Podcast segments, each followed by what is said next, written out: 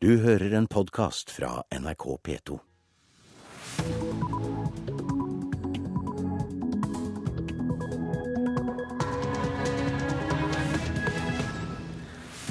Dette er Nyhetsmorgen, og nå klokka 6.30 onsdag 19. mars er dette hovedsakene. USA planlegger å sende soldater til de baltiske land etter Russlands annektering av Krim. Taust i Arbeiderpartiet om Nato-jobb for Stoltenberg, men politiske motstandere tror han kan gjøre en god jobb. Private parkeringsselskaper får ikke lenger ta store bøter for små forglemmelser. Ja, det sier samferdselsminister Ketil Solvik-Olsen. Nå foreslår vi at det blir en gjengs eh, bot eh, på 600 kroner. Lavere hvis det er formildende omstendigheter. Eh, høyere hvis du direkte har brutt loven, parkert på handikapplass eller sperret trafikken. Og det blir en massemobilisering for Ola Borten Moe, som forberedes av hans tilhengere.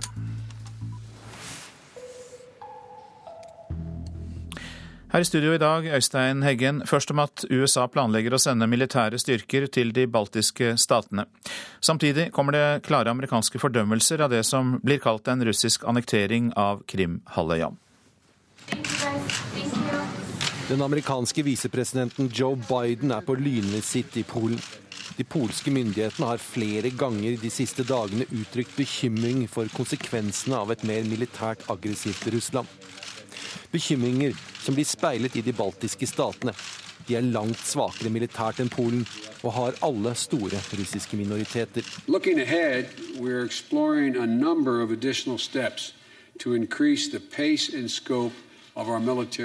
Når vi ser fremover, sier Biden, så er det mye vi kan gjøre.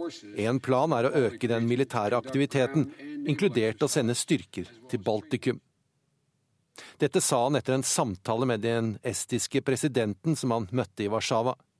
Biden er klar på at Russland må betale for det som blir kalt en annektering av Krim. Cost,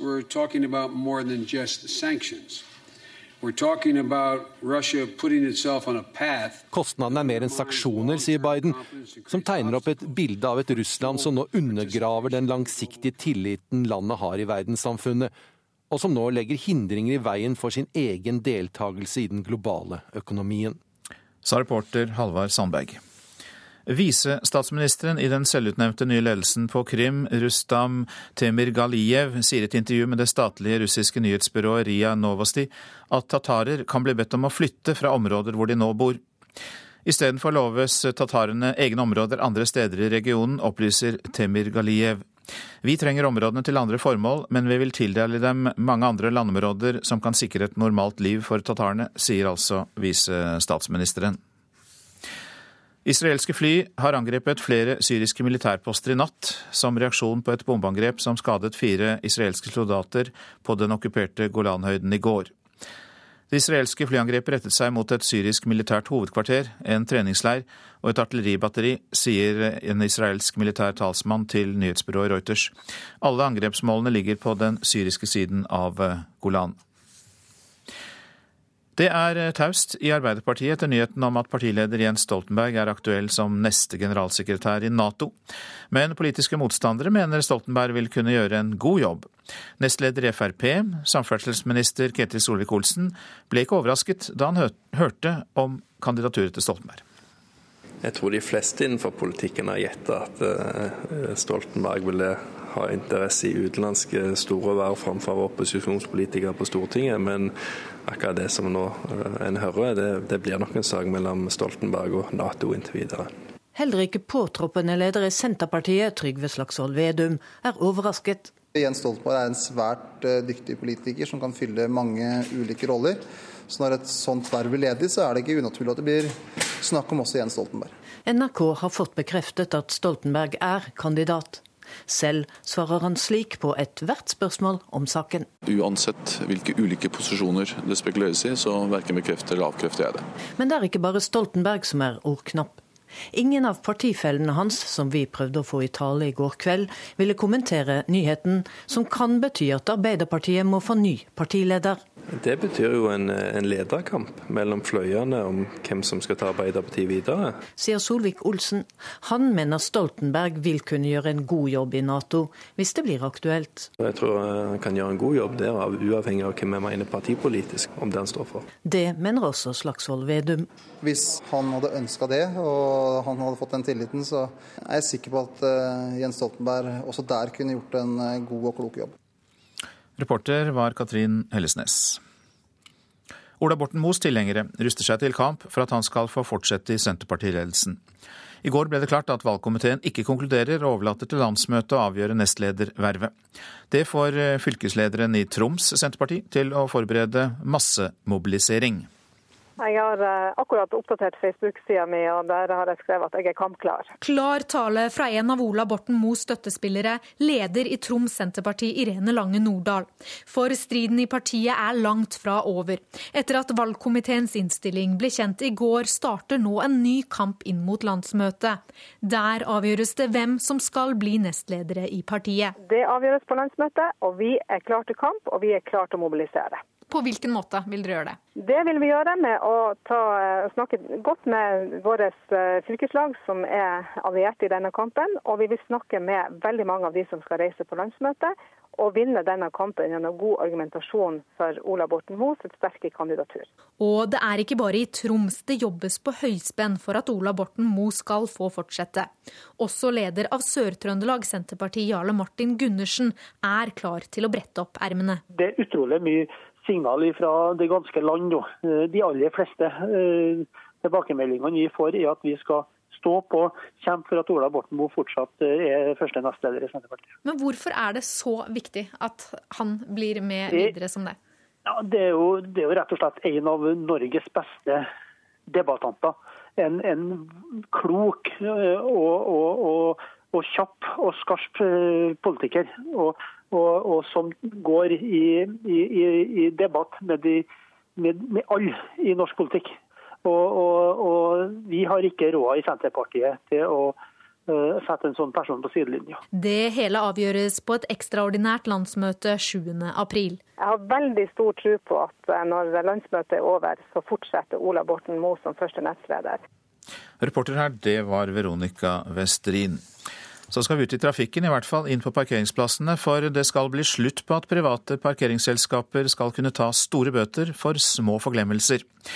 Samferdselsminister Ketil Solvik-Olsen vil ha statlig regulering av alle parkeringsbøter. F.eks. blir det nå billigere å glemme å trekke parkeringslapp på kjøpesentre med gratis parkering. Et år siden, vil jeg tippe. Det var i Kongsberg. Glemte å trekke lapp. Magnus Rygg var på et kjøpesenter med gratis parkering.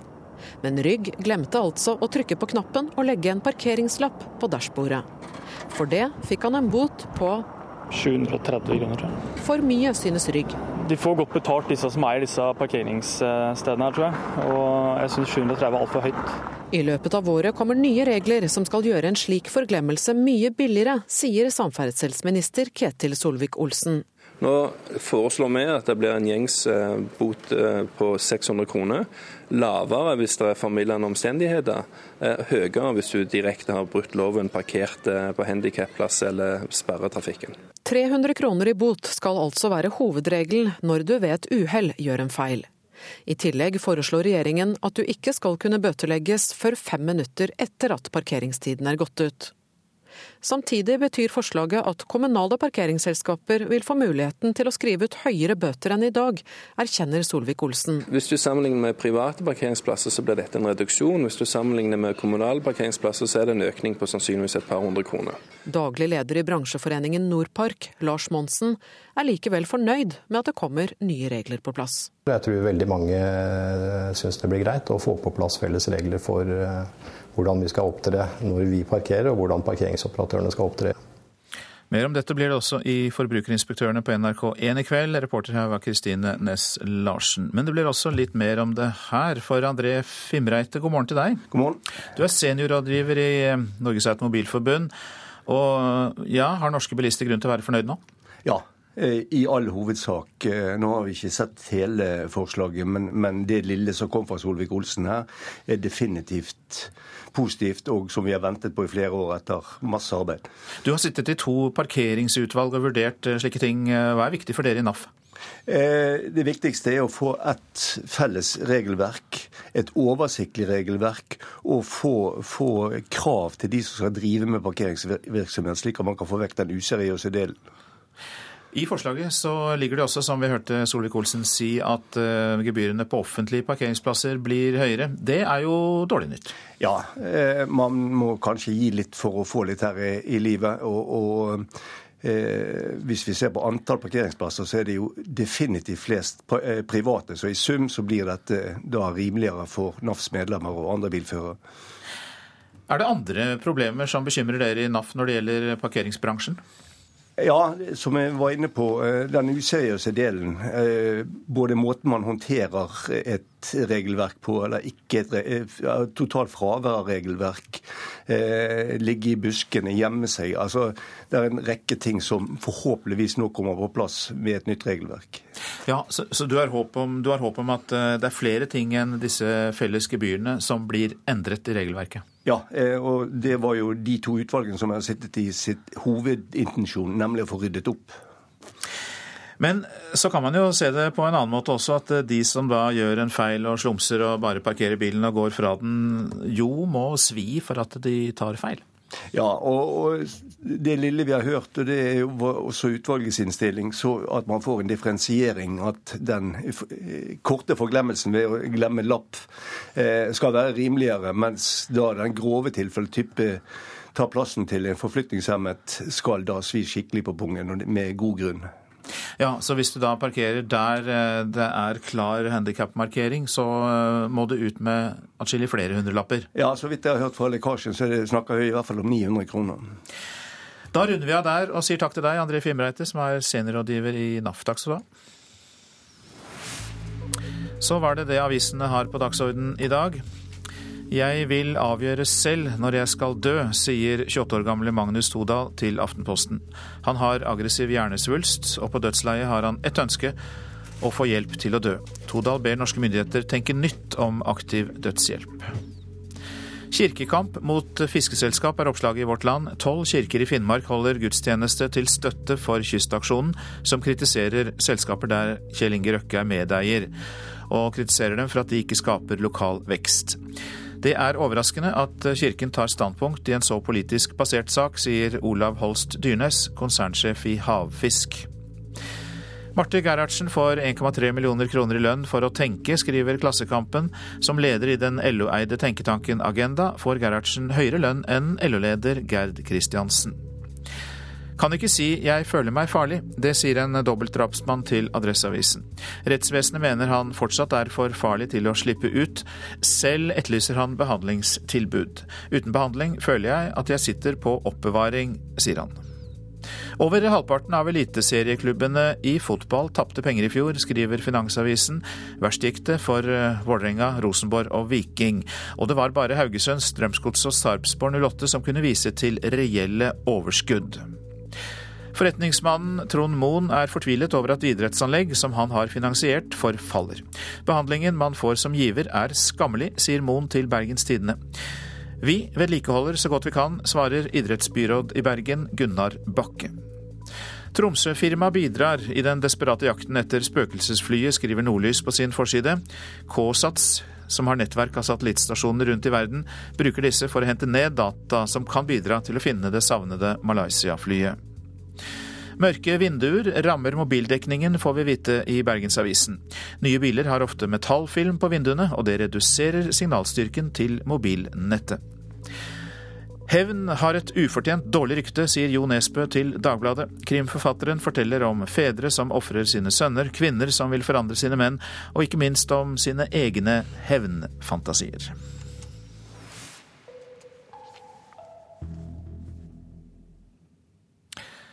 Hevn eller ikke, i hvert fall så er det vel snakk om at Vishy Anand ønsker en revansj. Og Magnus Carlsen tar gjerne en reprise av fjorårets tittelkamp. Indieren leder nå kandidatturneringen om kvalifisering til VM. NRKs sjakkekspert er mer skeptisk til dette. Han håper det blir en ny motstander for Carlsen. Det ville vært veldig moro, det. Alle elsker jo et uh, skikkelig comeback. Så hvis det skulle skje, så, så, tror jeg det kan bli kjempegøy. Manager Espen Agdestein og Magnus Carlsen liker det de ser i kandidatturneringen. Vishy Anand leder og kommer til å møte Carlsen til tittelkamp hvis han beholder ledelsen. Magnus vil uh ha en god følelse med det. NRKs sjakkekspert Torstein Bae er mer skeptisk til Carlsen mot Anand for andre året på rad. Jeg tror nok de fleste føler at tiden er moden for noe nytt. Når man så den matchen som var eh, i fjor, hvor overlegen Magnus er, så var man nok nå veldig klar for å se en duell mellom Magnus og eh, Vladimir Kramnik, eller eventuelt Levon Aronian, de to neste på verdensrankingen, som er helt eh, klare kandidater til å vippe Magnus av tronen. Annan leder kandidatturneringen i Kantimansisk etter fem av 14 kamper.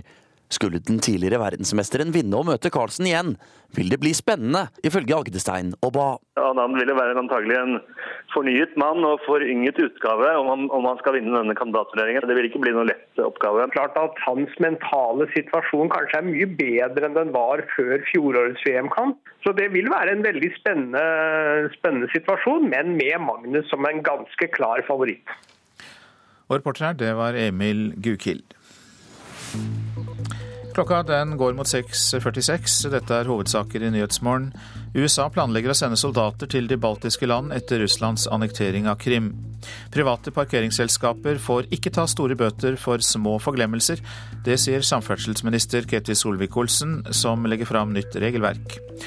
Og massemobilisering for Ola Borten Moe forberedes av hans tilhengere.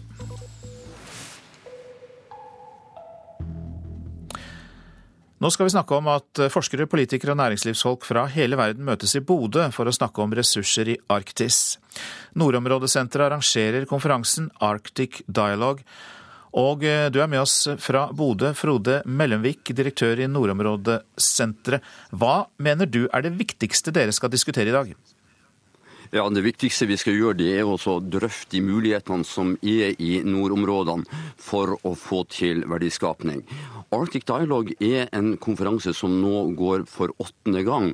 Og det er et enestående møtested for de som skal bli framtidens ledere i nordområdene. Altså Her møtes doktorgradsstudenter, mastergradsstudenter fra så å si hele verden.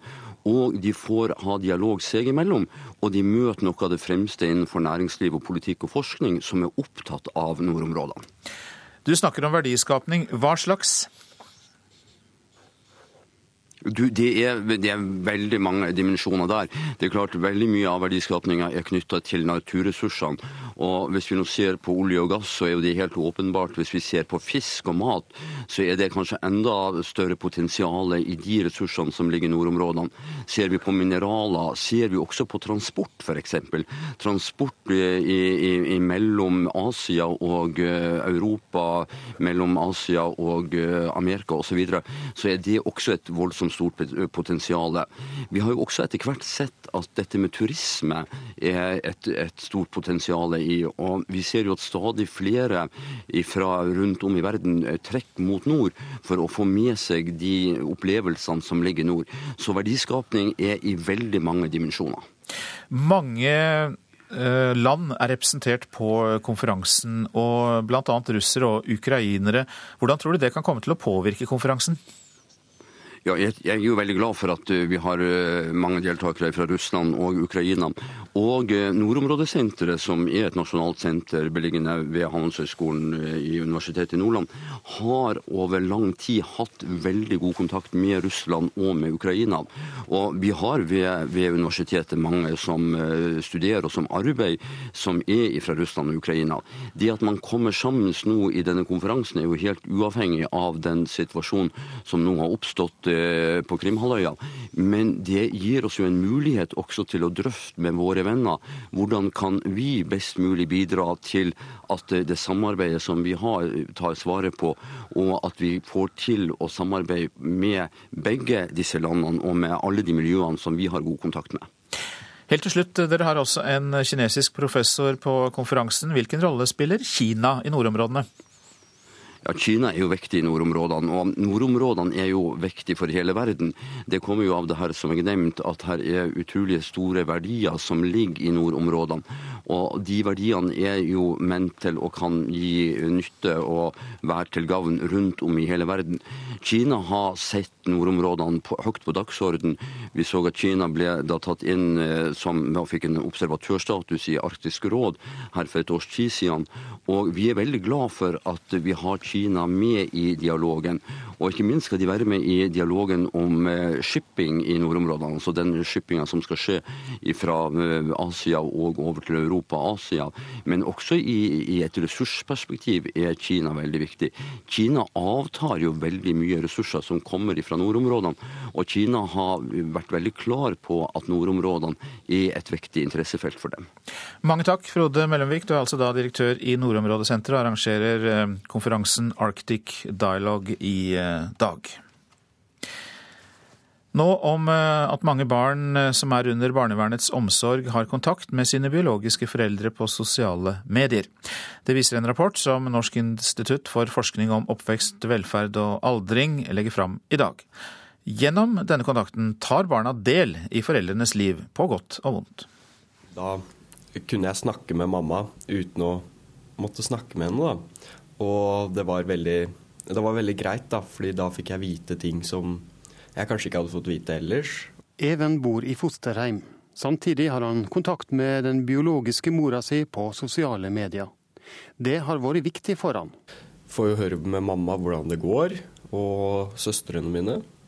Og da, ja, da holder jeg kontakt på en min måte, og på litt avstand, sånn at det ikke blir for vanskelig. Even er en av ungdommene som har vært intervjua i samband med en ny rapport om hvordan barnevernsbarn holder kontakter med foreldre på sosiale medier. Når barn flytter i fosterhjem, blir samværet med foreldre regulert. Men med sosiale medier kan de enkelt ha kontakt utover det som er avtalt. Gjennom sosiale medier så blir eh, barn på en helt annen måte enn tidligere deltakere i foreldres eh, både gode og dårlige perioder. Det sier NOVA-forsker Hilde Aamodt. I dag legger hun fram rapporten om hvordan kontakt på sosiale medier påvirker forholdet mellom foreldre og barn som er under offentlig omsorg. De kan få eh, informasjon om foreldrene som kan være belastende. Altså, eh, selv om de kanskje vet at foreldre ruser seg, så er det annerledes å lese det på Facebook. Slik kontakt gjør det vanskeligere for fosterheimene, sier lederen i hovedstyret for Norsk fosterhjemsforening, Torunn Haugen Aks. Vi ser jo på det som en ganske stor utfordring, egentlig. For det, det er noe som skjer i det lukka rom og det hemmelige rom. Det er jo ofte en begrensning i forhold til samvær. Og det er eh, også da når de, de opererer kanskje i lukka rom, hva er det de da snakker om? Eh, og den lojaliteten da også fosterbarna har til sine fosterforeldre, kompliserer det her eh, mye. Men NOVA-forsker Hilde Aamodt mener det er vanskelig å regulere eller kontrollere slik kontakt. Dersom barn og foreldre ønsker å ha kontakt eh, med hverandre, så vil de alltid finne muligheter eller anledning til dette. De kan opprette falske profiler. De, de fleste barn har adgang til PC eller datamaskiner. Altså det, det, er på en måte ikke mulig å på en måte eh, kontrollere dette helt. Reporter her, det var Espen Alnes. Ansatte ved Jøtul på Kråkerøy i Østfold skal søvntestes. Dårlig søvn dobler faren for en tidlig død, og det koster samfunnet milliarder i tapt produktivitet og sykefravær. Så nå skal søvnklinikken Somni i Fredrikstad koble Jøtul-ansatte til maskiner om natten. Til å begynne med så, så glisa vi vel litt alle sammen, men så tenkte jeg at det er jo verdt å, å prøve. Så da tok vi en tur, da. Fredrik Ileby tok en tur på informasjonsmøte på jobben, og han ble overbevist. Han og et trettitalls andre ansatte har sagt ja til å bli søvnutredet av søvnklinikken Somni i Fredrikstad.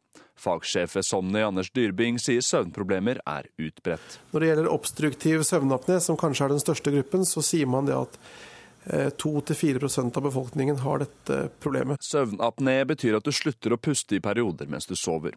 Det er forbundet med en rekke livsstilssykdommer, spesielt hjerte- og karsykdommer. Folkehelseinstituttet sier faren for å dø i en gitt periode er dobbelt så høy for folk som lider av søvnapné.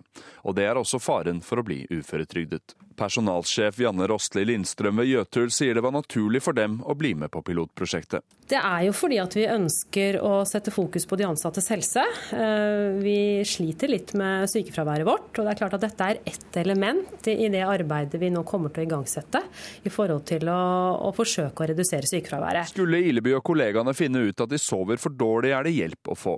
Enten i form av en oksygenmaske eller en skinne som holder kjeven på plass. Men først skal de testes. Og så får en da håpe at en klarer å sovne med det testutstyret på seg. Reporter her, det var Peter Mielsson.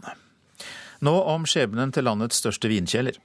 Furs industribygg i Grimstad, der selskapets berømte rabarbravin ble produsert, kan bli erstattet av leiligheter. Men i tolvte time har Riksantikvaren grepet inn, for dette er et av landets mest særpregede industribygg. Det er jo et unikt stykke industrihistorie, det hele. Det er spennende dager for vinprodusent Mons Fur. Han er en av flere arvinger etter det som en gang var landets største vinprodusent, Grimstad gartneri. Eh, og eh, Grimstad gartneri var jo desidert Grimstads største arbeidsplass. Denne uka får 79-åringen vite om den ruvende seks etasjer store vinkjelleren hvor familien hans i nesten 80 år produserte fruktvin, saft og vinråstoff for salg, skal bevares eller ikke. På det meste var det lagra to millioner liter vin i bygget. Det lå til lager, og noe av vinen lå jo i 68 år, rabarbravin spesielt. Den trengte den lagringstiden. Og eh, kirsebærvin lå i to år så ble den lagt stille. Den siste vinen ble satt på 1990-tallet. I drøye ti år har bygget nå stått tomt og forfalt. Og det er jo trist å se, da. Etter hvert som det brøt seg inn, som dere kan se, så tok hærverkstrangen overhånd. Og da de hadde stjålet de siste flaskene med vin, som sagt, som sto her, fordi så var det bare å rote og pære. Det er så det kjennes både interiørmessig og eksteriørmessig. På det meste hadde Grimstad gartneri 200 fast ansatte og 150 sesongarbeidere. Da skulle vært her i min farfars tid, så hadde det vært blomster overalt. Det hadde ikke vært, det hadde vært ikke strå å se. Entreprenøren Kruse Smith har planer om å rive betongbygget og bygge tre boligblokker på den attraktive tomta som ligger rett utenfor Grimstad sentrum. I fjor høst la Riksantikvaren ned midlertidig forbud mot riving. Riksantikvaren mener vinkjelleren representerer store kulturverdier nasjonalt og lokalt, og krevde muligheten for bevaring nærmere utreda. Denne uka kommer svaret. Det er ingen tvil om at ikke denne delen vi ser her, kan brukes som bibliotek gjennom fem etasjer, med god plass. Og denne bygningen er jo også solid bygget, og velegnet eh, sted for det. Tørt er det, og fint. Og Vi legger til at Riksantikvaren senere i uka vil uttale seg om bygget bør bevares. Reporter her, det var Miriam Grov. Så går vi over til eh, værvarselet og Langfjella først. Vestlig stiv kuling utsatte steder. Fra i ettermiddag periodevis sterk kuling, og så blir det snø i Langfjella. Fjell i Sør-Norge unntatt Langfjella. Sørøst liten kuling utsatte steder. Så om ettermiddagen dreier den vestlig. Litt snø, i kveld lettere vær. Østlandet og Telemark. På kysten sørvestlig liten kuling. Fra ettermiddag frisk bris. Det blir litt regn og snø i indre strøk. Lite nedbør sør for Oslo. I kveld lettere vær igjen i Østlandet og Telemark. Agder får sørvestlig liten kuling på kysten. I ettermiddag økende til vestlig opp i sterk kuling, og det blir regn. Vesentlig da i vest. I kveld minker, det, minker vinden, og det blir lettere vær i Agder. Så til Rogaland og Hordaland. Sørvest periodevis liten kuling. I ettermiddag forbigående vestlig stiv kuling sør for Boknafjorden. I kveld kortvarig sørøst liten kuling nord for Bømlo. Det blir regn og snø i høyden. Sogn og Fjordane regn og regnbyger, snø i høyereliggende strøk også der. Møre og Romsdal får snø og sludd, i ettermiddag blir det lettere vær igjen. Trøndelag sørøst stiv kuling utsatte steder. Mot kvelden løyer vinden i Sør-Trøndelag. Det blir opphold og perioder eh, med sol, men etter hvert litt snø sør og i grense. I Sør-Trøndelag og i grensetraktene. Nordland, Troms og Finnmark. Det blir mye pent vær i alle tre fylker, men enkelte snøbyger i Lofoten og Vesterålen og i ytre strøk av Troms og Finnmark. Det kan bli kortvarig stiv kuling på kysten av Troms. Nordensjøland på Spitsbergen, også der pent vær. Temperaturer klokka fire. Svalbard, lufthavn minus 12, Kirkenes minus 13, Varde minus 5, Alta minus 8, Tromsø minus 6. Bodø minus 8, Brønnøysund minus 4, Trondheim-Værnes minus 11 og Molde minus 1. Så får vi noen plussgrader her. Bergen-Flesland 5, Stavanger 6, Kristiansand-Kjevik også 6 grader. Gardermoen minus 2, Lillehammer minus 5. Røros er nede i minus 18, faktisk. Og så er det en enslig plussgrad på Oslo-Blindern. Det var altså klokka fire i natt. Du hører en podkast fra NRK P2.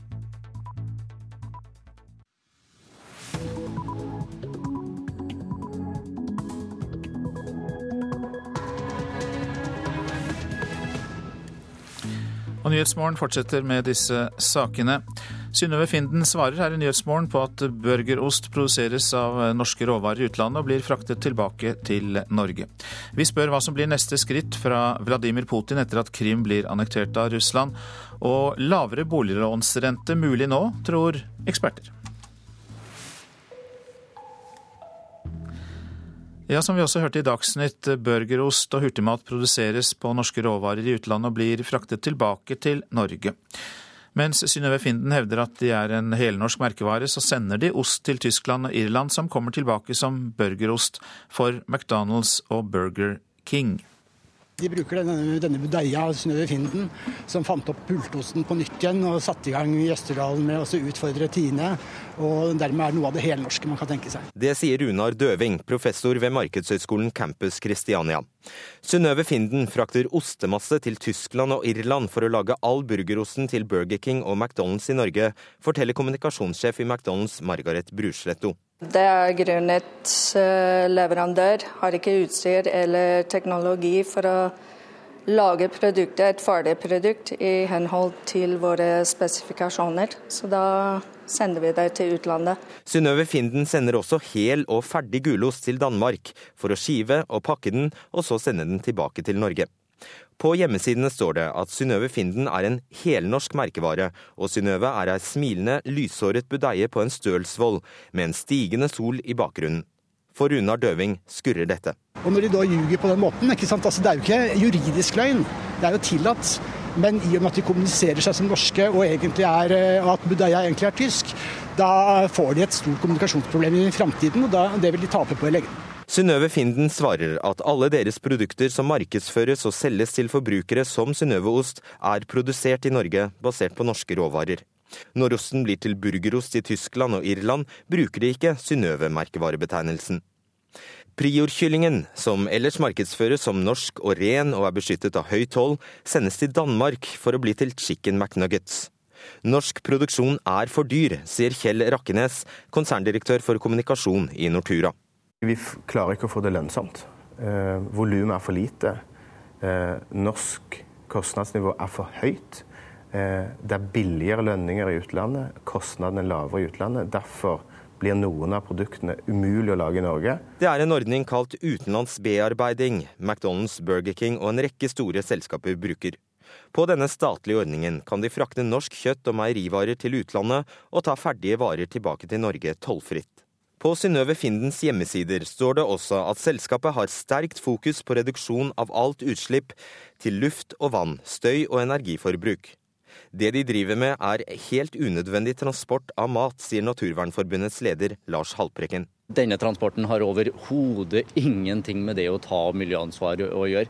Dette er en transport som øh, gir økt forurensning. Det er det motsatte av å ta miljøansvar. Og reporter her, det var Fredrik Solvang. Jan Bodd, du er kommet hit. God morgen til deg. Du er styremedlem i Synnøve Finden. Og etter det vi har hørt her, kan det virke som dere har et kommunikasjonsproblem?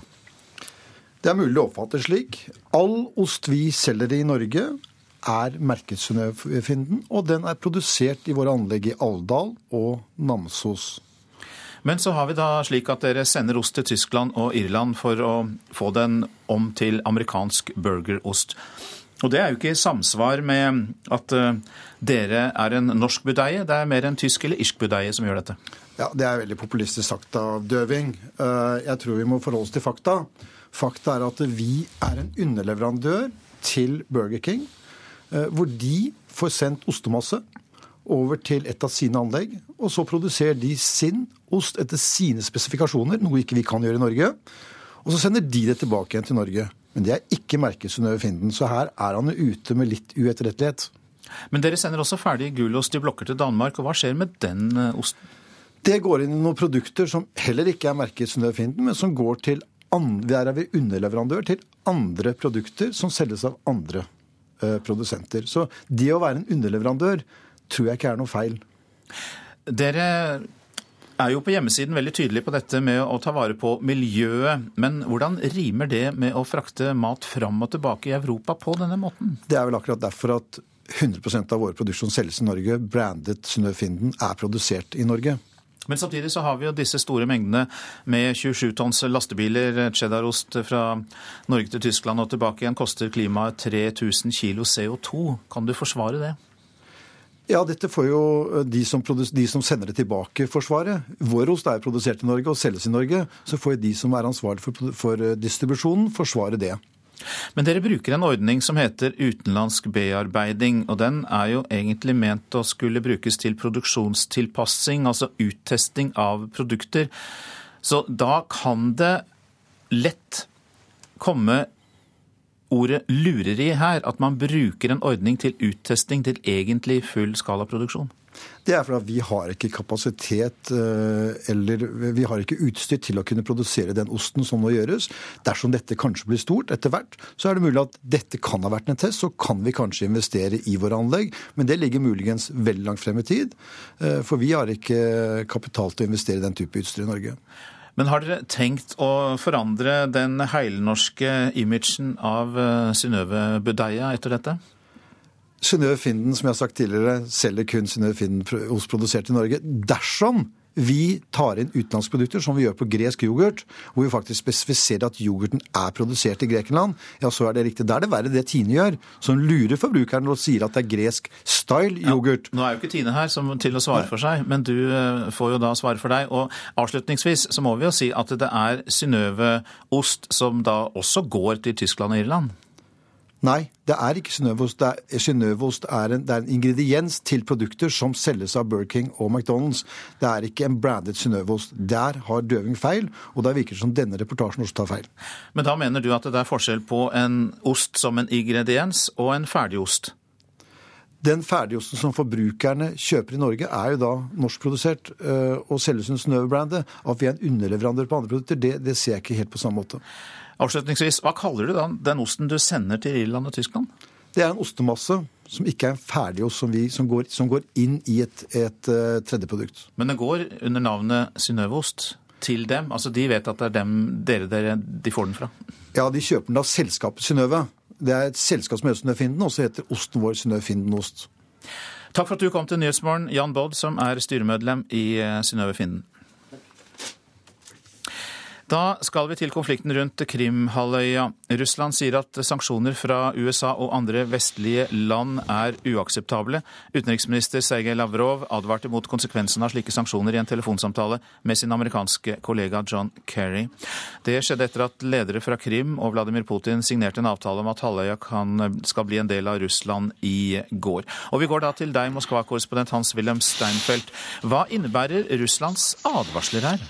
Ja, Det innebærer f.eks at formannen i det amerikanske senatet kan være nokså trygg på at han blir svartelistet når det gjelder innreise til Russland, som svar på at lederen for føderasjonsrådet her i Moskva, Valentina Matvienka, har fått den skjebnen borte i USA.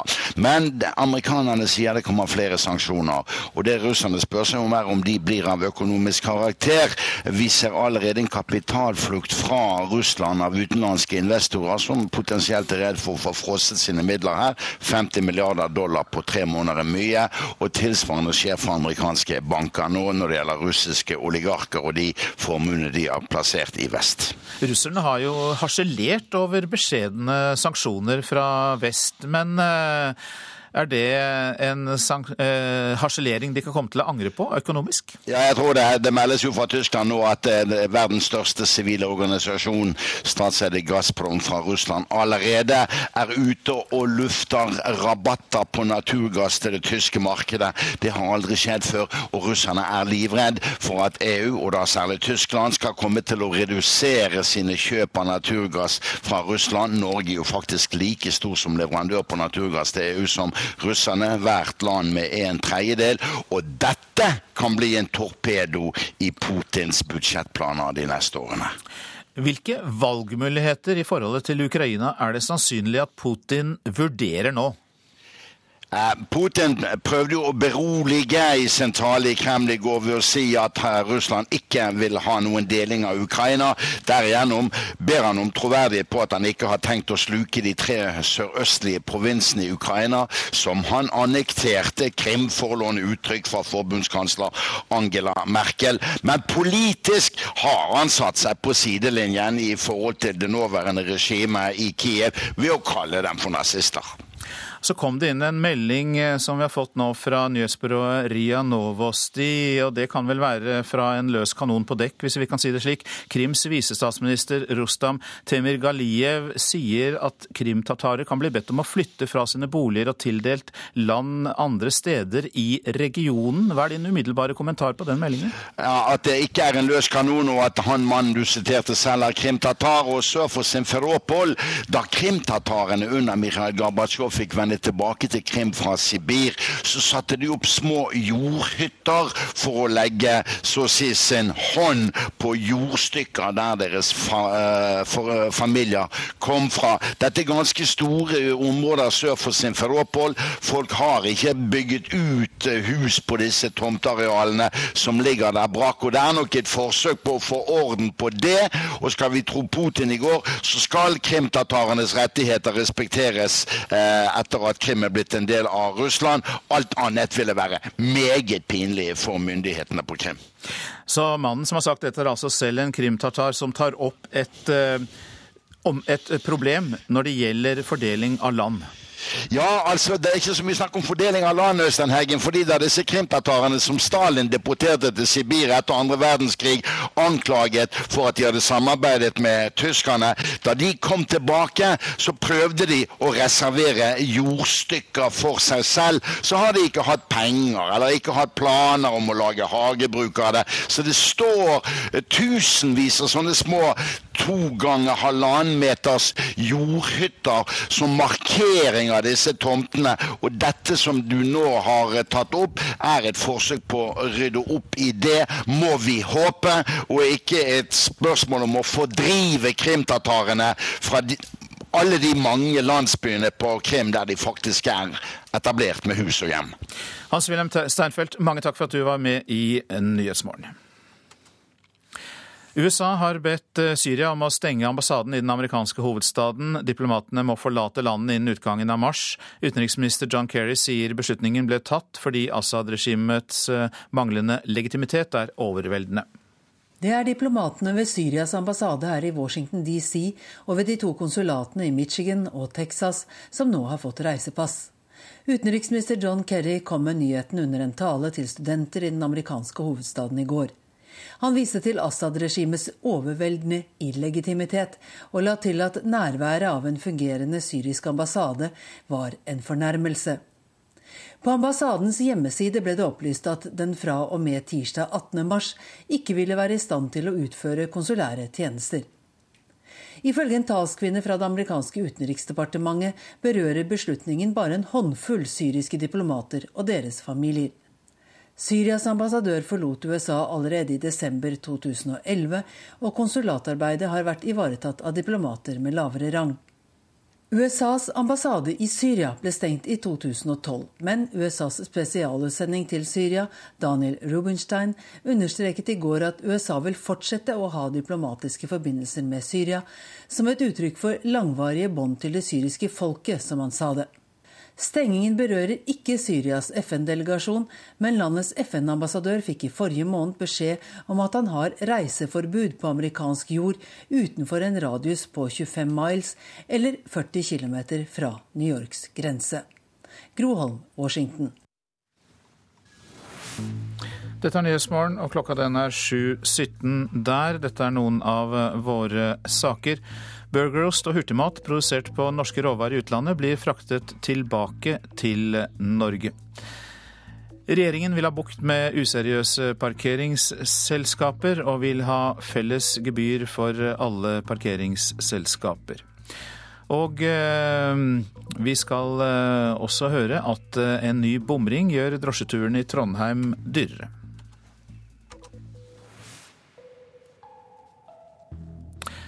Men først om at det kan, kan gå mot lavere boliglånsrente for folk flest framover. Det tror eksperter. Enkelte lånekunder har allerede fått eh, billigere lån i banken, bl.a. titusener av medlemmer i en av arbeidstakerorganisasjonene. Ca. en tredjedel av våre medlemmer benytter banktilbudet som ligger i denne avtalen. Og det er stadig økende, de prosentene. Sier Knut Årbakke i Akademikerne. For DNB har nå senket boliglånsrenta til alle hans medlemmer. Så Vi ligger altså 0,1% under det banken for øvrig tilbyr som sin beste rente. Nå vil akademikerne se om de kan få også andre banker til å senke sine boliglånsrenter. Det vi ser med 180 000 medlemmer nå, så har vi jo selvfølgelig en markedsposisjon som gjør at vi er interessante i finansmarkedet. Og DNB-avtalen alene er så stor at den kan sette i gang flere rentekutt, tror sjefanalytiker Erik Bruse i Nordea Markets. Det kan smitte over på andre låntakere også, at bankene blir rett og slett eh, setter ned rentene. Det siste året er boliglånskundene blitt svært god butikk for bankene. For å få flere kunder raskt, tror Bruse at bankene derfor kan fristes til å sette ned renta. Lavere renter er et effektivt. De, de kanskje ønsker å øke markedsandelene litt, eh, lempe litt på marginene. At utlånsvekst er, er, er gunstig. Jan Andreassen i Eika-gruppen tror også at sparebankene han representerer, nå vurderer å kutte lånerentene. De bestemmer selv sine eh, lånerenter. Helt sikker på også de eh, er i tenkeboksen når det gjelder bankmarginer. Dessuten vil bankene snart få drahjelp, mener sjeføkonomen. Så Mitt scenario er jo at Norges Bank kutter rentene to ganger. Og da kan boliglånsrentene allerede i år bli ytterligere 1,5 prosentpoeng lavere, tror Andreassen. Ja, Da faller egentlig alle norske renter, hvis eh, jeg får rett i min eh, prognose. Da er det jo klart at da får både husholdninger og bedrifter merke effekten av lavere renter i Norge. Men ingen banker NRK har kontaktet vil foreløpig offisielt bekrefte at de har konkrete planer om rentekutt. Kommunikasjonsdirektør Lars Setre i Handelsbanken sier det slik. Vi har ingen prisliste, og dermed så er det helt fritt opp til hver enkelt rådgiver å sette prisen. Finner de en riktig kunde, så får de sette en riktig pris og en konkurransedyktig pris i sitt eh, lokalmarked. De siste tilgjengelige utlånstallene viser da også at den gjennomsnittlige boliglånsrenta her i landet falt svakt allerede på tampen av fjoråret. Sannsynligvis fordi enkeltkunder fikk bedre rente av bankene. Likevel holder også informasjonsdirektør Even Westervell i DNB lånekortene tett til brystet. Jeg kan ikke bruke mediene til å spekulere i fremtidige renteendringer, men det er tøff konkurranse i markedet, og vi følger dette nøye. Reporter var Sindre Heierdal. Jorge Jensen, du er fagdirektør for finans i Forbrukerrådet. Velkommen til deg. Ja, takk for det. Er dette gode nyheter for forbrukerne? Ja, jeg tror dette er innledningen til en ny periode. Eh, men eh, bankene har jo råd til å gå ned på boliglånsstudenter til, til oss kunder. Vi har sett et veldig godt år i 2013, og det ligger jo, beklager, i 2012, og det ligger jo også an for hele bransjen at 2013 ble et enda bedre år. Hvorfor tror du at bankene vurderer å senke rente? Ja, det er jo et press, også på et politisk press, men, men også det at kundene har sett at bankene har forutsetninger for å gi bedre lånerenter til, til oss forbrukere. Og Sånn sett så er det forbrukere som pruter på bankene. og Dette presset har gjort noe med prisfastsettinga. I dag så betaler vel de fleste lånekunder da på boliglånet om, om lag 4 Hva mener du vil kunne være rimelig? Nei, vi har ingen sånn fast uh, punkt å si at dette er rimelig. Men vi ser jo at uh, den marginen som bankene har på lån, er blitt veldig stor. Og at den skal ned. Det, hvis vi greier å holde presset oppe, så, så, så, tror jeg vi skal se det. Men som vi hørte i reportasjen, det er jo ingen som har tatt et konkret steg, så, så vi lar nå champagnekorka står på. Og vi heiser ikke flagget ennå. Er det ofte slik at det bare er de som er misfornøyde eller har en fagforening i ryggen som kan eh, få lavere rente? At det ikke skjer automatisk hvis man sitter helt stille og ikke gjør noe selv? Ja, det er helt klart. Her, her er det de som er aktive som, som kommer til å dra fordeler av det. Og Vi oppfordrer jo alle til å være aktive. Eh, om ikke annet så er det for å sette i gang en forhandlingsprosess med banken sin. Det er ikke så vanskelig. Samtidig så kan jo lavere rente bidra til at folk tar opp for mye lån og øker sin økonomiske fallhøyde. Er du redd for at vi kan gå inn i en sånn uh, ureint farvann igjen? Ja, det er akkurat hvor mye penger som lånes ut, det, har jo bankene et ansvar uh, for å liksom være edruelig. Og man skal ikke låne ut penger til folk som ikke har uh, rimelig sjanse til å betale det tilbake. Det, det vil jo i så fall smelle tilbake til, til bankene. Helt til slutt, eh, Hva gjør dere i Forbrukerrådet for å få rentene ned? Ja, vi har jo et uh, trykk uh, politisk, men vi lager også en del sånne uh, verktøy for folk som skal gjøre det lettere å komme i gang med, med forhandlinger med banken. Bl.a. med finansportalen.no har vi laga apper som skal gjøre det lettere for folk å se hvor de sjøl står i dette priskartet. Ok, Takk skal du ha, Jorge Jensen, som altså er fagdirektør for finans i Forbrukerrådet. Så noe om det avisene har på dagsorden i dag. Jeg vil avgjøre selv når jeg skal dø, sier 28 år gamle Magnus Todal til Aftenposten. Han har aggressiv hjernesvulst, og på dødsleiet har han ett ønske å få hjelp til å dø. Todal ber norske politikere tenke nytt om aktiv dødshjelp. Kirkekamp mot eh, fiskeselskap er oppslaget i Vårt Land. Tolv kirker i Finnmark holder gudstjeneste til støtte for Kystaksjonen, som kritiserer selskaper der Kjell Inge Røkke er medeier for at de ikke skaper lokal vekst. Det er overraskende at kirken tar standpunkt i en så politisk basert sak, sier Olav Holst Dyrnes, konsernsjef i Havfisk. Marte Gerhardsen får 1,3 millioner kroner i lønn for å tenke, skriver Klassekampen. Som leder i den LO-eide tenketanken Agenda får Gerhardsen høyere lønn enn LO-leder Gerd Kristiansen. Kan ikke si 'jeg føler meg farlig', sier dobbeltdrapsmann til Adresseavisen. Rettsvesenet mener han fortsatt er for farlig til å slippe ut. Selv etterlyser han behandlingstilbud. Uten behandling føler jeg at jeg sitter på oppbevaring, sier han. Over halvparten av eliteserieklubbene i fotball tapte penger i fjor, skriver Finansavisen. Verst gikk det for Vålerenga, Rosenborg og Viking. Det var bare Haugesund, Strømsgodset og Sarpsborg 08 som kunne vise til reelle overskudd. Forretningsmannen Trond Moen er fortvilet over at idrettsanlegg som han har finansiert, forfaller. Behandlingen man får som eh, giver er skammelig, sier Moen til Bergens Tidende. Vi vedlikeholder så godt vi kan, svarer idrettsbyråd i Bergen, Gunnar Bakke. Tromsø-firmaet bidrar i den desperate jakten etter spøkelsesflyet, skriver Nordlys. KSATS har et nettverk av satellittstasjoner rundt i verden som brukes for å hente ned data som kan bidra til å finne det savnede Malaysia-flyet. Mørke bilvinduer rammer mobildekningen, får vi vite i Bergensavisen. Nye biler har ofte metallfilm på vinduene, og det reduserer signalstyrken til mobilnettet. Hevn har et ufortjent dårlig rykte, ja det sier Jo Nesbø til Dagbladet. Krimforfatteren forteller om fedre som ofrer sine sønner, kvinner som vil forandre sine menn, og ikke minst om sine egne hevnfantasier. Nå om drosjen i Trondheim som sender regningen videre til kundene og legger på en ekstra avgift etter at 14 nye bomstasjoner ble satt i drift i byen. Trøndertaxi plusser på fra 5 til 15 kroner for turene. Drosjenæringen mener de er i sin fulle rett til å legge på prisen, siden de må betale samme bomavgift som privatbiler. Jeg vet at det er her, og så er det en eh, på, eh, på brua eh, her over, over overkjøringsveien på mål vi er på vei i drosje til neste bompassering i Trondheim, en av de mange nye bomsnittene som ble satt i drift mandag. Nå kjører vi en bomstasjon på mål. Som et nytt trinn av miljøpakken. 24 kroner kosta det. Og derfor har Trøndertaxi bestemt seg for å ta et ekstra påslag for hver drosjetur. Dette er en eh, måte for oss til å ta unna de avgiftene som vi blir pålagt av det offentlige. Sier driftssjef Anders Mauring i Trøndertaxi. Eh, så det må vi dessverre ta igjen for å redusere kostnadene til den enkelte bileier. Fem kroner for vanlig taxi er påslaget, og 15 kroner for større bil, maxitaxi, som Bjørn Werkland kjører. Ja, her er det plass til 16 personer, og så er det plass til én og to rullestoler. Uansett om jeg har én eller 16 personer i bilen, så må jeg betale det, det her, Så må da eieren av bilen da, betale denne bomavgifta. Samferdselssjef Odd Moldestad i Sør-Trøndelag fylkeskommune, som gjev drosjeløyva, sier at Trøndertaxi står fritt i Trondheim til å leie på prisen. Men fylkeskommunen var ikke klar over dette påslaget. Nei, det var ikke vi klar over.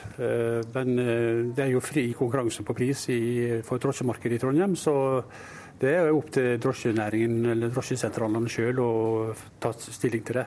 Heller ikke lederen for Miljøpakken i Trondheim, Henning Lervåg, visste om det. Nei, jeg er ikke kjent med at det kom en sånn avgift. Det har vært en sånn diskusjon hvor vi har orientert litt om hvilke utgifter Miljøpakken, eller taket på Miljøpakken ga da. Men jeg er ikke kjent med at det kom noe avgift nå. Lervåg stusser litt over at påslaget er på fem kroner for en vanlig drosjebil, ettersom det er et tak på 110 passeringer hver måned. Ja, det vi har regnet med, er at de vil sannsynligvis ha en totalutgift på en 900-1000 kroner i måneden for de utløser taket. og Det vil jo si en 30-35 kroner for dagen. Hvis de har 10-15 turer over bomsnittene, så går de i overskudd. I så fall, hva synes du da? Nei, det er jo det er ikke noe som jeg har noe Nei, det ønskte ikke Lervåg å svare på. Men det ville de på kantina til drosjesentralen til Trøndertaxi på Moholt, der samtaleemnet var gitt.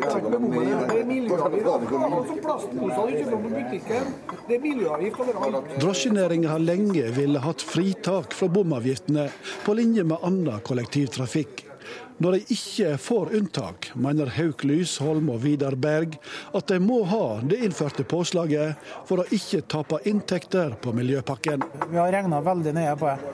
Jeg har gått gjennom mine tre biler og har kommet fram til at 5 kroner og 15 kroner på stor og liten bil er riktig tall for at man skal gå i null. Mesteparten av trafikken vi driver egentlig det er i rushtida. Og ergo vil da de 110-turene oppnås hovedsakelig i rushtidskjøring. Men fem kroner per tur dekker ikke det inn likevel? Forhåpentligvis så dekker det inn. Og forhåpentligvis har vi truffet veldig godt. Reporteren det var Magnar Branseth. Ja, du lytter til Nyhetsmorgen. I reportasjen etter Dagsnytt kan du høre om diplomatisk krig mellom de søkkrike gulflandene Saudi-Arabia og Qatar, for Saudi-Arabia er lei av Qatars støtte til islamister og Det muslimske brorskap. I Politisk kvarter blir det diskusjon mellom helseminister Bent Høie og SV-leder Audun Lysbakken om reservasjonsrett. Og vi legger til at produsent for Nyhetsmorgen i dag er Kari Bekken Larsen. Her i studio Øystein Heggen. Og så minner vi om nettstedet radio.nrk.no med massevis av radiokanaler og programmer.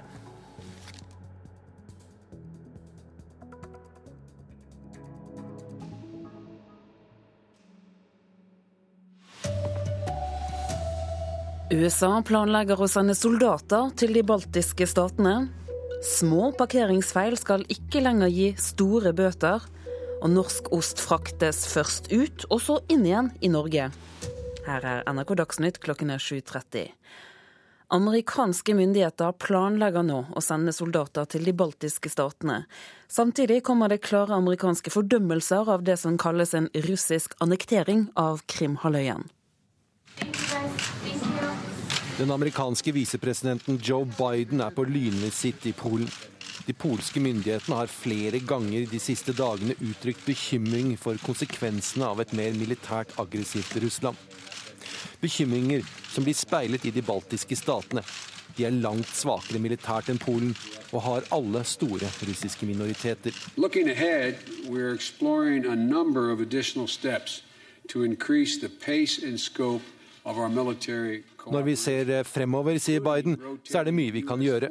En plan er å øke den militære aktiviteten, inkludert å sende styrker til Baltikum. Dette sa han etter en samtale med den estiske presidenten som han møtte i Warszawa. Amerikanske soldater har vært på bakken i Baltikum før, men bare et fåtall, og for å være instruktører for landets egne styrker. Å øke tilstedeværelsen nå vil av russerne sannsynligvis bli sett på som en provokasjon. Biden er klar på at Russland må betale for det som blir kalt en annektering av Krim.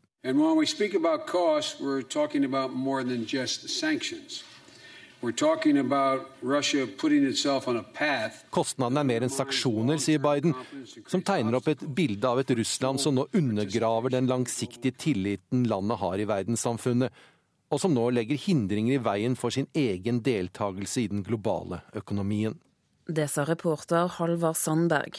Russland sier at sanksjoner fra USA og andre vestlige land er uakseptable. Det sier Moskva-korrespondent Hans-Wilhelm Steinfeld.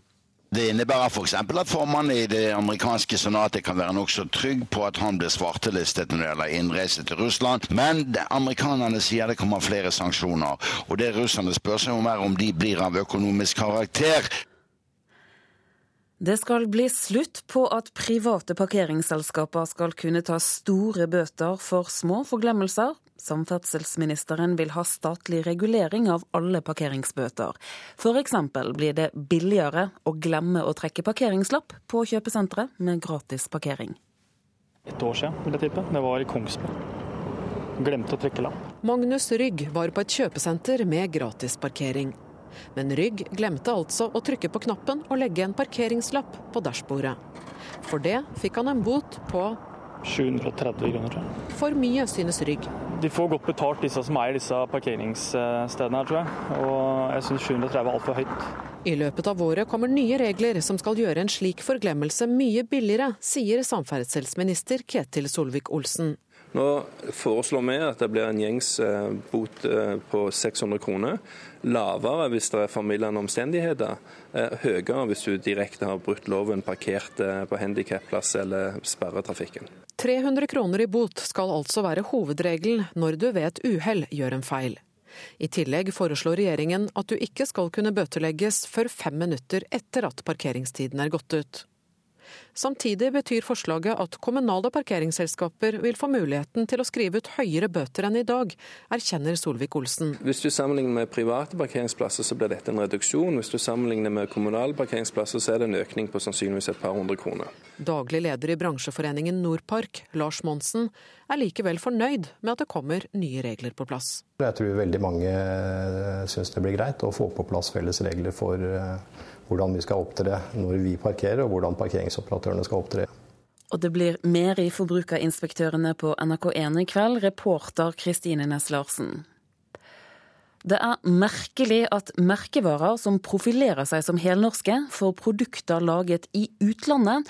Det mener professor om at ost og hurtigmat basert på norske råvarer blir produsert i utlandet og så fraktet tilbake til Norge. Synnøve Finden hevder de er helnorske, men sender ost til Tyskland og Irland, som kommer tilbake som burgerost. De bruker denne, denne budeia Synnøve Finden, som fant opp pultosten på nytt igjen og satte i gang i Østerdalen med å utfordre Tine. Og dermed er noe av det helnorske man kan tenke seg. Det sier Runar Døving, professor ved Markedshøgskolen Campus Christiania.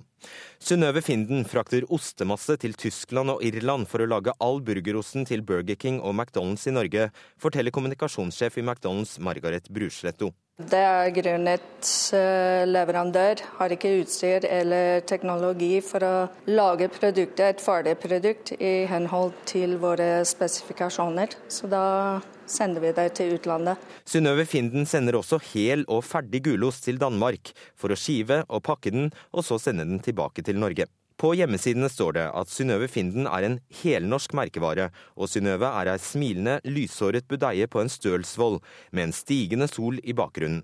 For Runar Døving skurrer dette. Og Når de da ljuger på den måten, altså, det er jo ikke juridisk løgn, det er jo tillatt. Men i og med at de kommuniserer seg som norske og, er, eh, at budeia egentlig er tysk, da får de et stort kommunikasjonsproblem i framtiden, og da, det vil de tape på i lengden.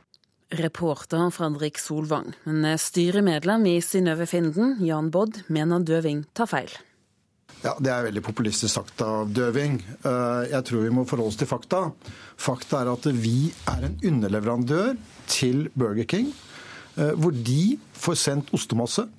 over til et av sine anlegg. Og så produserer de sin ost etter sine spesifikasjoner, noe ikke vi kan gjøre i Norge. Og så sender de det tilbake igjen til Norge. Men det er ikke merket Synnøve Finden, så her er han ute med litt uetterrettelighet. Jonas Gahr Støre skal være favoritt til å overta som partileder i Arbeiderpartiet dersom Jens Stoltenberg blir ny Nato-sjef.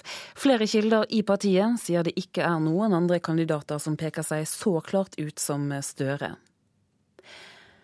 Ola Borten Moes tilhengere ruster seg til kamp for at han skal få fortsette i Senterpartiledelsen. I går ble det klart at valgkomiteen ikke tør konkludere om de skal innstille Borten Moe eller utfordre Anne Beate Tvinnereim som nestleder i partiet, og dermed må landsmøtet avgjøre hvem som får nestledervervet i Senterpartiet. Det går mot lavere boliglånsrenter for folk flest fremover, tror ekspertene. Enkelte lånekunder har allerede fått billigere lån av banken, bl.a. titusener av medlemmer i én arbeidstakerorganisasjon. Ca. en tredjedel av våre medlemmer benytter banktilbudet som ligger i denne avtalen. Og det er stadig økende, de prosentene. Sier Knut Årbakke i Akademikerne. For DNB har nå senket boliglånsrenta til alle hans medlemmer. Vi ligger altså 0,1% under det banken for øvrig tilbyr som sin beste rente. Nå vil akademikerne se om de kan få også andre banker til å senke sine boliglånsrenter. Med 180 000 medlemmer nå, så har vi selvfølgelig en markedsposisjon som gjør at vi er interessante i finansmarkedet. Og DNB-avtalen alene er så stor at den kan sette i gang flere rentekutt, tror sjefanalytiker Erik Bruse i Nordea Markets. Det kan smitte over på andre låntakere også, at bankene blir rett og slett eh, setter ned rentene. Det siste året er boliglånskundene blitt svært god butikk for bankene. De, de, kanskje ønsker å øke markedsandelene litt, at utlånsvekst er, er gunstig. Jan Andreassen i Eika-gruppen tror også at sparebankene han representerer, nå vurderer å kutte lånerentene. Jeg er helt sikker på også de er i tenkeboksen når det gjelder bankmarginer. Dessuten vil bankene snart få drahjelp, mener sjeføkonomen. Så Mitt scenario er jo at Norges Bank kutter rentene to ganger. Da faller egentlig alle norske renter. Da er det jo klart at da får både husholdninger og bedrifter merke effekten av lavere renter i Norge. Reporter Sindre Heierdal. Manchester United håper å gå videre mot Olympiakos i dagens mesterligaoppgjør, men det kan bli vanskelig. Grekerne leder 2-0 etter den første kampen. We know we have a bad game on the first leg. I think even a three years old Man United fan have been hurting by our poor performance. Vi vet vi spilte dårlig. Selv en tre år gammel United-tilhenger hadde fått vondt av å se den kampen. Det sier forsvarsspiller Patrice Evra om 2-0-tapet mot Olympiakos. I helgen tapte de røde djevlene 3-0 mot Liverpool, men manager David Moyes tror ikke det vil påvirke dagens kamp. Well, I think when you lose, you know, in the fashion we did, and, and obviously to one of our biggest rivals, Når man taper som vi gjorde, og mot en av våre største rivaler, er det alltid skuffende. Men så snart det var over, fortalte vi spillerne at ting endrer seg fort i fotball.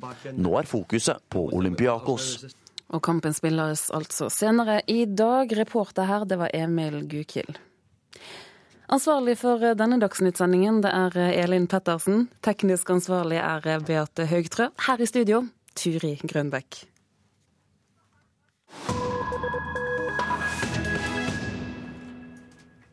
Du lytter til Nyhetsmorgen. Saudi-Arabia truer med å boikotte Qatar om ikke Emiratet slutter å støtte Det muslimske brorskapet. Og Saudi-Arabia krever også at Qatar legger ned TV-stasjonen Al Jazeera. Nyhetssendingene fra Al Jazeera ses i hele verden, både på arabisk og på engelsk. Da Qatars forrige emir, sjeik Hamad bin Khalifa Al Thani, grunnla den frie TV-kanalen i 1996, skapte han en medierevolusjon i Midtøsten. Med ett fikk millioner av arabere usensurerte nyheter og debatter om saker som hadde vært tabubelagt, som korrupsjon, politivold og flerkoneri. Araberne fikk høre om det som var galt i deres samfunn. Med ett unntak. Ingen får se kritiske reportasjer om Qatar eller Qatars emir på Al Jazeera. Al Jazeera ble for alvor kjent i Vesten etter 11.9.2001, da Osama bin Laden slapp til med sitt syn. Og nettopp Qatars sympati for islamister er blitt Emiratets problem nå.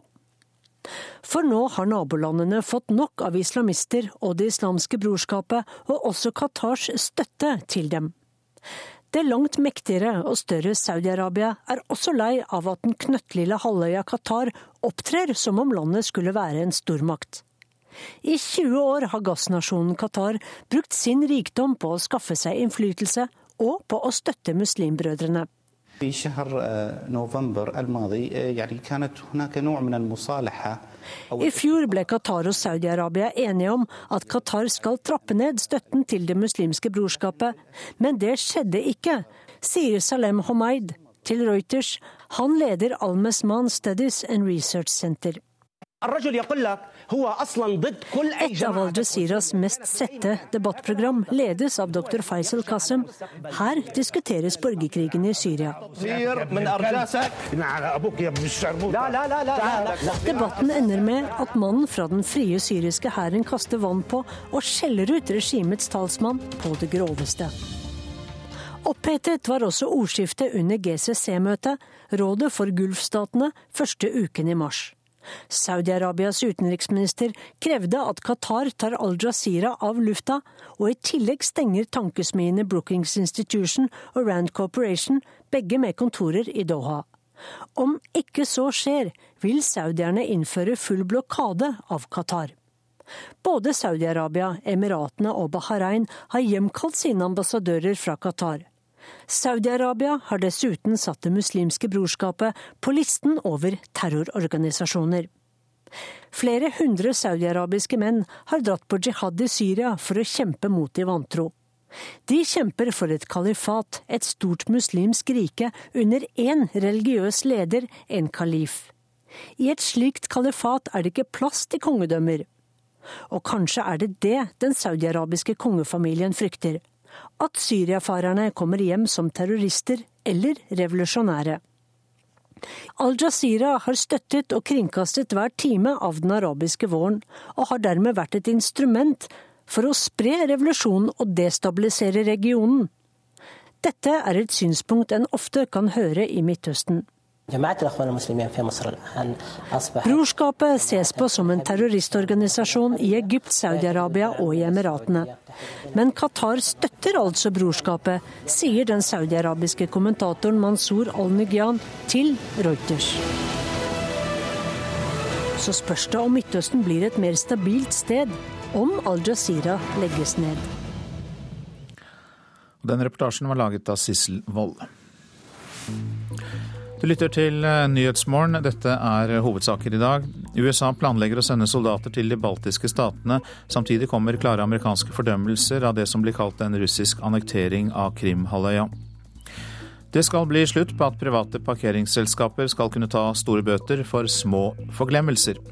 Samferdselsministeren vil ha statlig regulering av nivået på alle parkeringsbøter. Synnøve Finden hevder at eh, de er helnorske, men sender ost til Tyskland og Irland som kommer tilbake som burgerost. Selskapet svarer at osten ikke selges som et Synnøve Finden-produkt til eh, disse restaurantene. Og før Politisk kvarter så minner vi om nettstedet radio.nrk.no, der du kan lytte til alle NRKs radiokanaler, spole deg tre timer eh, bakover i sendingene, og også høre på tidligere sendte programmer.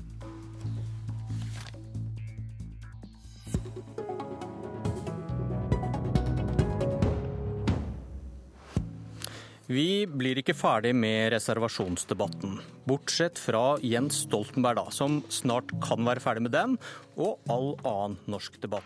Men hvis han blir Nato-hauk, hvem skal lede ørnen blant partiene da? Politisk kvarter kan ikke love deg fasitsvaret på det siste spørsmålet i denne sendingen, men nesten. Men først, SV-leder Audun Lysbakken, kan du love at dere finner alle fastleger som reserverer seg mot å henvise kvinner til abort? Med det forslaget du fremmet i Stortinget i går? Jeg kan i hvert fall love at vi vil få til en eh, omfattende kartlegging og kunne begynne å sanksjonere leger som driver med ulovlig reservasjon. Det som er situasjonen rundt om i landet i dag, er jo at eh, ingen har full oversikt over hvor mange leger som reserverer seg. Det er betydelig usikkerhet, tror jeg, blant eh, mange kvinner knyttet til det. Og vi vet at ikke bare foregår det reservasjon knyttet til abort, men også på andre grunnlag, f.eks. når det gjelder prevensjon, når det gjelder assistert befruktning til lesbiske. Og til og med har vi eksempler på LAR-behandling til rusavhengige.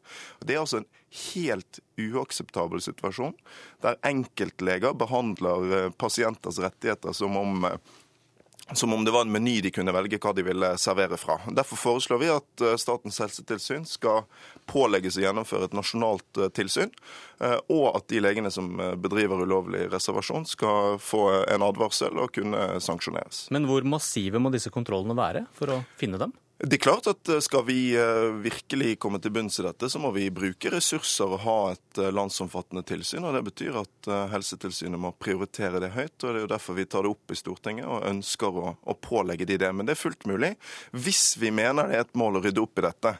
Og Det har helseministeren nå sagt gjentatte ganger at han vil. Men vi har jo ikke sett noe som helst slags initiativ til å få håndhevet det regelverket som gjelder, og som jo for en god del typer reservasjon fortsatt vil gjelde, også om eh, regjeringen skulle få gjennom sitt forslag. Han sitter ved siden av deg, helse- og omsorgsminister Bent Høie. Hva syns du om SVs metode?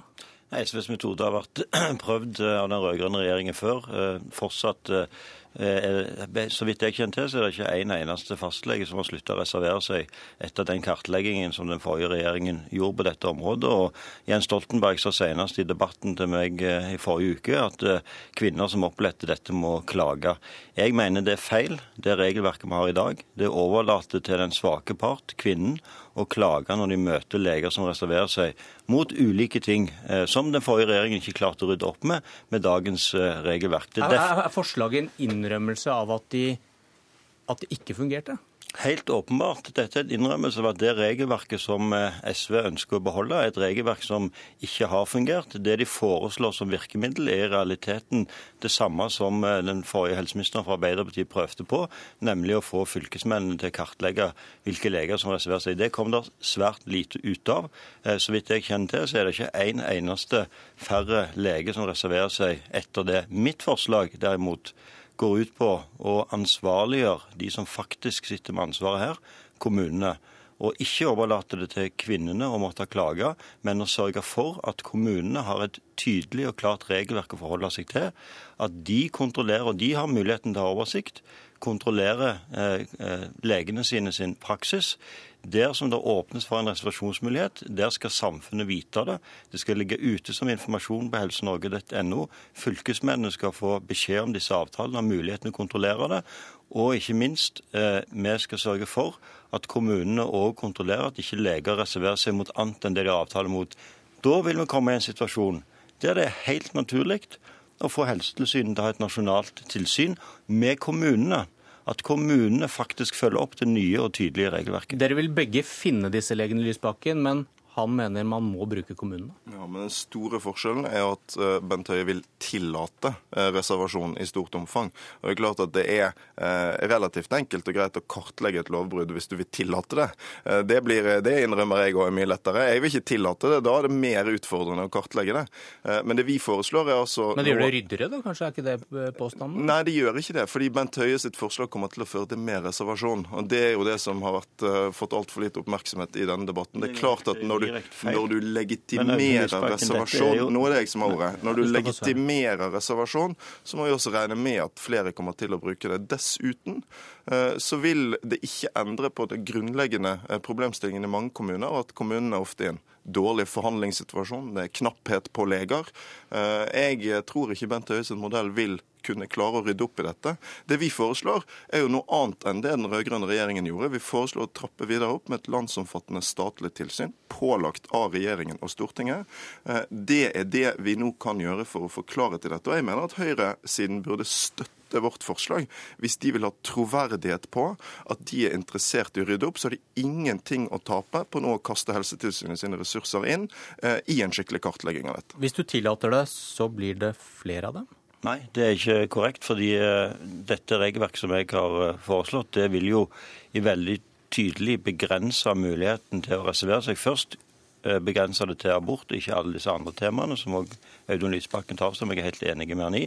Det andre er at dette vil begrense eh, det, til at det er kun kommuner der det er andre leger som har ledig kapasitet, som kan inngå den type avtaler. Og Hvis vi ser utover norgeskartet i dag, så vil en se at det er en rekke av de kommunene der det er leger i dag som reserverer seg, så er det i innenfor mitt regelverk ikke vil være mulig for leger å reservere seg. Så er det interessant at Audun Lysbakken sier at han ikke tror på mitt forslag. Vel, det respekterer jeg at han ikke gjør. Men jeg kan si at hans forslag har vært forsøkt gang på gang, men det fungerer ikke.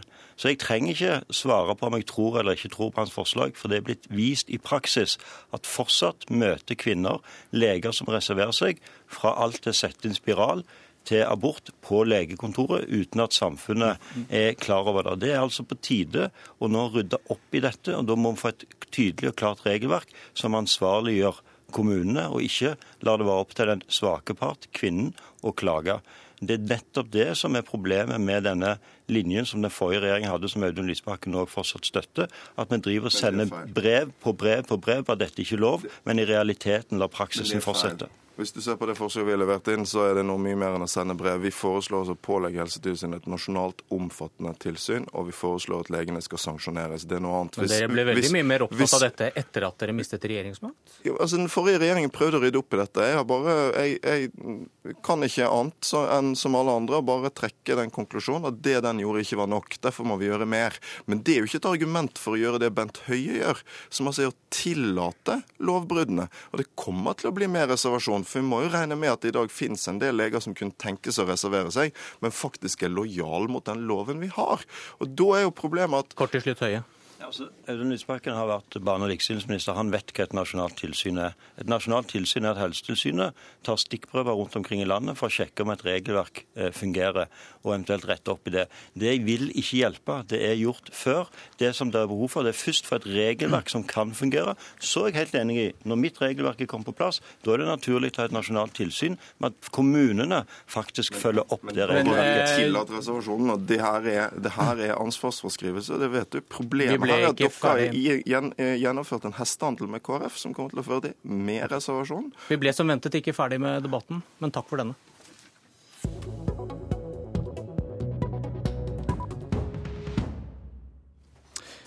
De første spekulasjonene i en avis i et land ganske langt borte viste seg å stemme. Jens Stoltenberg er aktuell som Natos neste generalsekretær.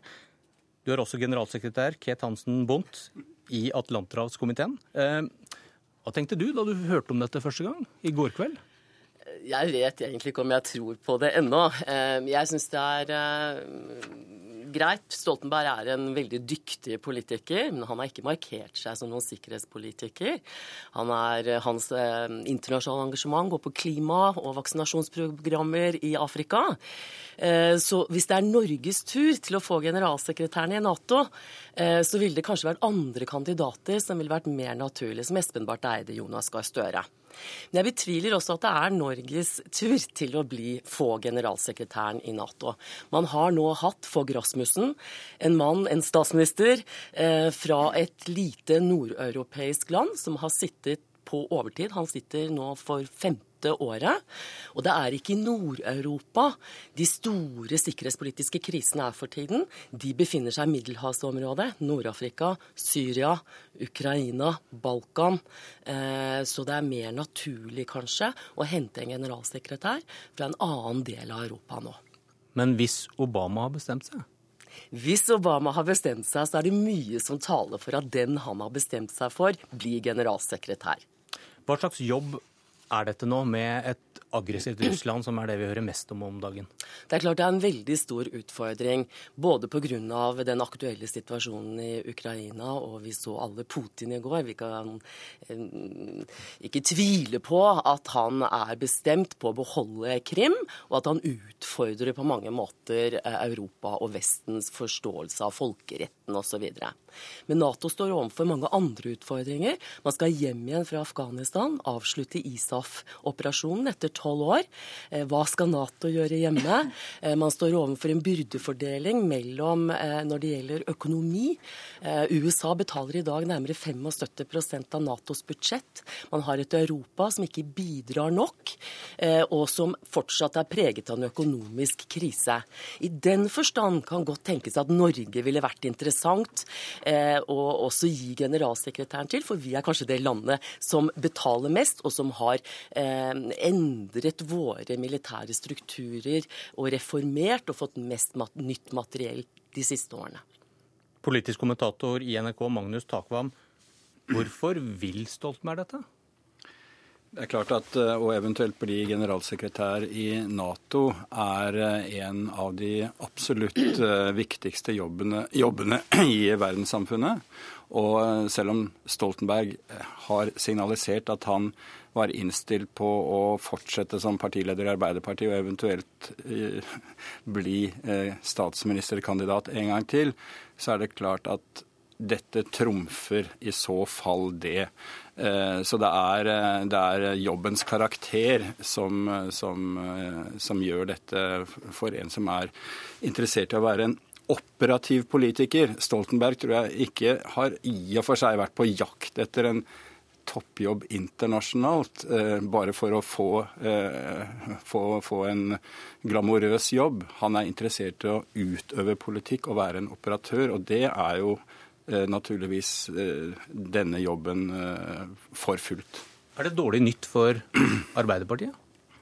Ja, På kort sikt er det jo det. Kanskje har Arbeiderpartiet gjort seg for avhengig av Jens Stoltenberg som partiets desiderte toppfigur.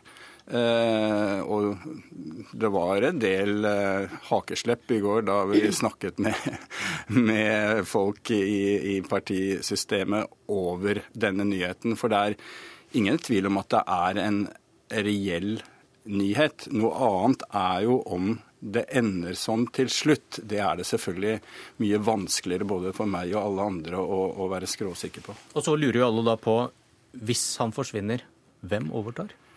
Det er nok Jonas Gahr Støre som, eh, som er eh, soleklar favoritt når det hele skjer eventuelt da såpass raskt med et ekstraordinært landsmøte allerede eh, i høst. Eh, de signalene jeg hadde fått tidligere, var at det kanskje lå an til, eh, hvis dette da ikke hadde skjedd, at Stoltenberg ville holde på lenger enn de fleste så for seg, og at man gikk eh, så, så, etter den nye partilederen i neste generasjon, de som er 30-40 år nå. Men nå må man løse situasjonen eventuelt da mye raskere, og da er Gahr Støre kandidaten. Bondt, når blir dette avgjort? Hvem som får jobben? Det blir nok ikke avgjort før på sensommeren. Eh, man har et toppmøte i Wales 4. Eh, og 5. september i Nato, og Fogh Rasmussen sitter til da. Og så er det mange andre toppjobber i Europa som skal fordeles i inneværende år. Det er fire jobber i EU-systemet. Her sitter veldig mange av de samme medlemslandene som sitter i Nato. Det er presidenten i EU, det er den utenrikspolitiske eh, leder, det er kommisjonspresidenten og den som leder leder Europaparlamentet. Og det er mange gode kandidater. Og jeg tror Natos generalsekretærpost kommer til å være en del av den hestehandelen som man fordeler mellom de europeiske landene. Takk for det. Politisk kvarter er slutt. Jeg heter Bjørn Myklebust.